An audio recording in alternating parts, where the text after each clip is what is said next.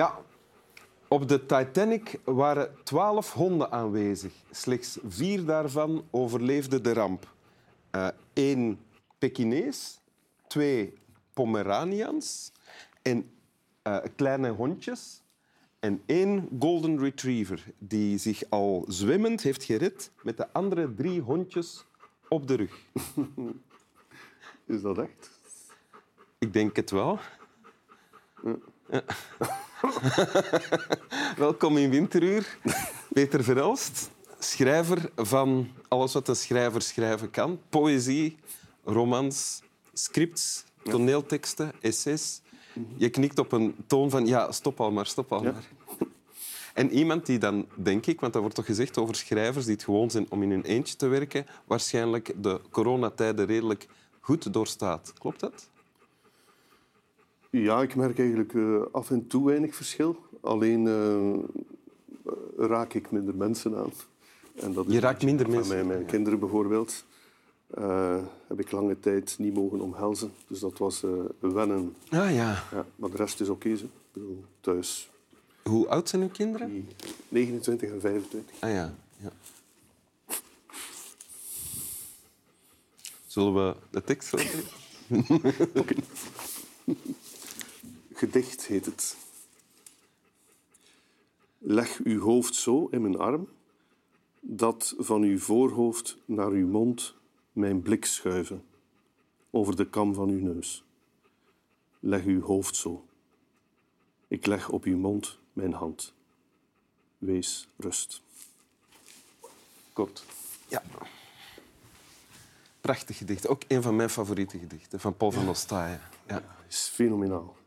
Ik kan echt mijn mond niet houden over Paul van Ostaaien. Is nauwelijks 32 geworden.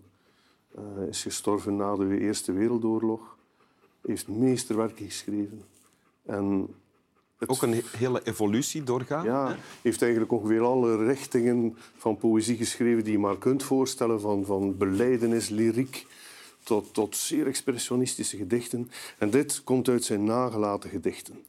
Uh, toen hij ja, rond de dertig was en tuberculose had, in een sanatorium zat, uh, aan het sterven was. Ja.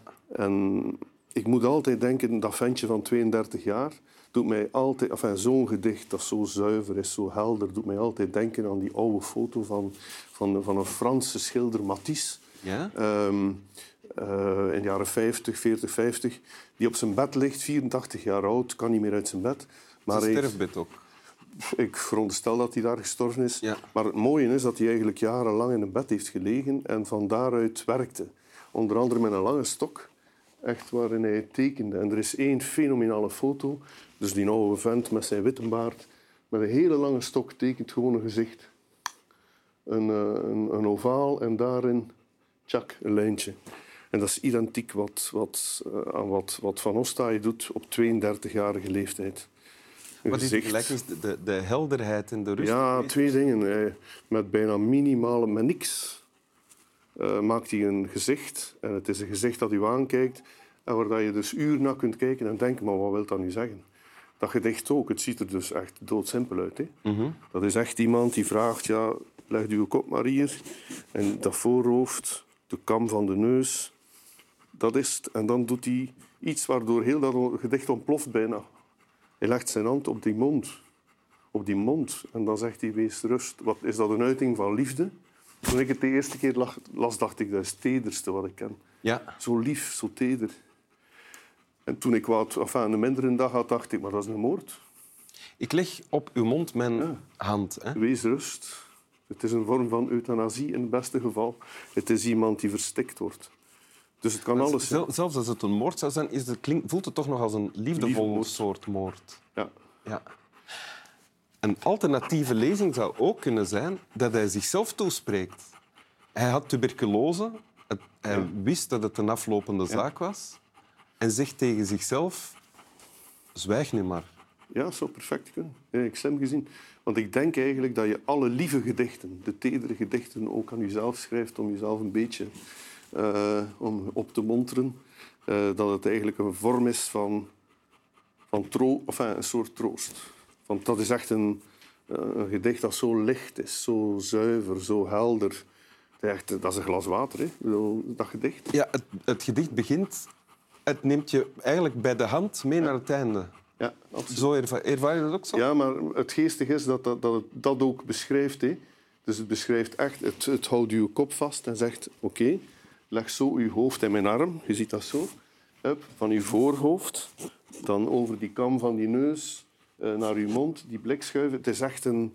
Uh, dat is wat ik bedoelde met... Het is gewoon een tekening van een gezicht. Tjak. En dat is ongelooflijk mooi. En hier zie je dan de, ja, want, de handschriften. Ja, wat jij hebt meegebracht is dus is het origineel handschrift dan? Ja, dat is eigenlijk hoe hij het geschreven heeft. En dat wordt bewaard zoals een heel aantal schatten van Van Ostaaien trouwens. Echt, dat is een schatkamer, het Letterenhuis in Antwerpen. Ja? Waar je dus in dat, in dat typische geschrift van hem uh, kunt zien hoe hij het heeft geschreven. En de grap is dat je letterlijk kunt zien hoe hij het geschreven heeft. Je ziet wat hij geschrapt heeft. Ja. Geschrapt heeft. Je, hij heeft, en dat is echt meesterlijk hoor, van die je, u gemaakt, waardoor het een soort plechtstatigheid krijgt. En dan heeft hij het ritme veranderd. In plaats van dat van uw voorhoofd naar uw mond schuiven, mijn blik, heeft hij gemaakt dat van uw voorhoofd naar uw mond, mijn blik schuiven. Dat is eigenlijk de geboorte van de melancholie bijna dat je meemaakt. Een soort verdriet dat hij toevoegt. En dat hij die schuiven achteraan zet. Ja, en hij, want hij heeft zo'n paar van die gedichten waarin er geschoven wordt. Onder andere een chimpansee die naar de zee gaat. Ja. En daar zie je dat zelf. ziek van de zee. Voilà. En ja, maar het is geen zieke, enfin, het is geen zieke chimpansee, van dat werkt dan niet. Dus hij, hij slaagt erin om dan een soort lange, luie klank op het einde, waardoor eigenlijk verdriet bijna ontstaat. Een soort melancholie. Ja, ja, ja. Dus dat is echt geniaal. Dat is... En die, hier kunnen we dus zien waar hij geschrapt heeft. Ja. Maar stel jij je voor dat dat dit er dan eigenlijk voor de rest in één keer is uitgekomen? Want er staan maar twee schrappingjes. Ja, dat is uh, tamelijk uh, onuitstaanbaar. Ja. dan denk ik, nee, dat heeft hij een jaar later. Nee, dat is, dat, soms krijg je cadeaus. Ja. En, en dat is zo'n zo'n cadeau. Je ziet het, het is in één keer geschreven. Heeft nog uh, vlug die uur ervan gemaakt. Ja. Oké, okay, het juiste ritme vinden en dan flotsch. Heel dat gedicht. Het is, een, het is een van de zuiverste gedichten die wij kennen. Dat, dat is echt fenomenaal. Hij is de, voor mij de grootste dichter van, van, van ons taalgebied. Dat ja. is, echt, uh, is dit iets, dit gedicht, of van Nostaaien in het algemeen, maar misschien vooral dan dit gedicht nu, is dat jou heeft aangezet om zelf te beginnen schrijven en dichten? Ja, want als, als kind uh, lag Van Ostaaien in ons huis. Uh, en omdat het een beetje music hall-achtig, het heette dan ook music hall, uh, dat, cabaret, dat cabaretsfeertje, ik was daar zeer gevoelig aan toen ik 15, 14, 15 Ja. jaar was. Je hield dan ook van punkmuziek en zo waarschijnlijk? ja, natuurlijk. Ja. Enfin, het is zeer voorspelbaar hoor. Iedereen, enfin, iedereen in mijn omgeving vond dat fantastisch. Eh, en het gekke is dat eigenlijk dat die, dat die bijzonder moderne gedichten schreef toen al, die nog altijd flonkeren. Echt heel spannend, eigen tijd zijn. Dus je nooit verouderd. Het is een heel sprankelende taal. Zeer mooi, aansprekend. En het heeft ontzettend veel schrijvers. En heb je dan ook gedacht van, ah, dat wil ik ook doen? Ja, ja. Ja. Maar ik dacht constant, dat wil ik ook doen. Ja. Eh, bij schrijvers, ja. Ah, ja, ja. Ja. ja. En nu, herlees je het nu nog? Af en toe valt het uit mijn kast. Ik heb een speciaal ordeningsmechanisme. In mijn, ik gooi mijn boeken eigenlijk in mijn kast en af en toe valt er iets uit. En die valt er graag uit. Is een mooie uitgave ook. Kijk, de- door de zon verbleekt. Ja. En ehm, ja, af en toe lees ik er vooral de nagelaten gedichten.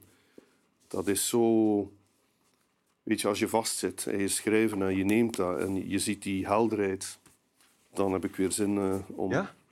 ouder te Wil worden. je het nog eens voor? Ja, En ons allemaal zin geven Ja. om ouder te worden? Gedicht. Leg uw hoofd zo in mijn arm, dat van uw voorhoofd naar uw mond mijn blik schuiven over de kam van uw neus.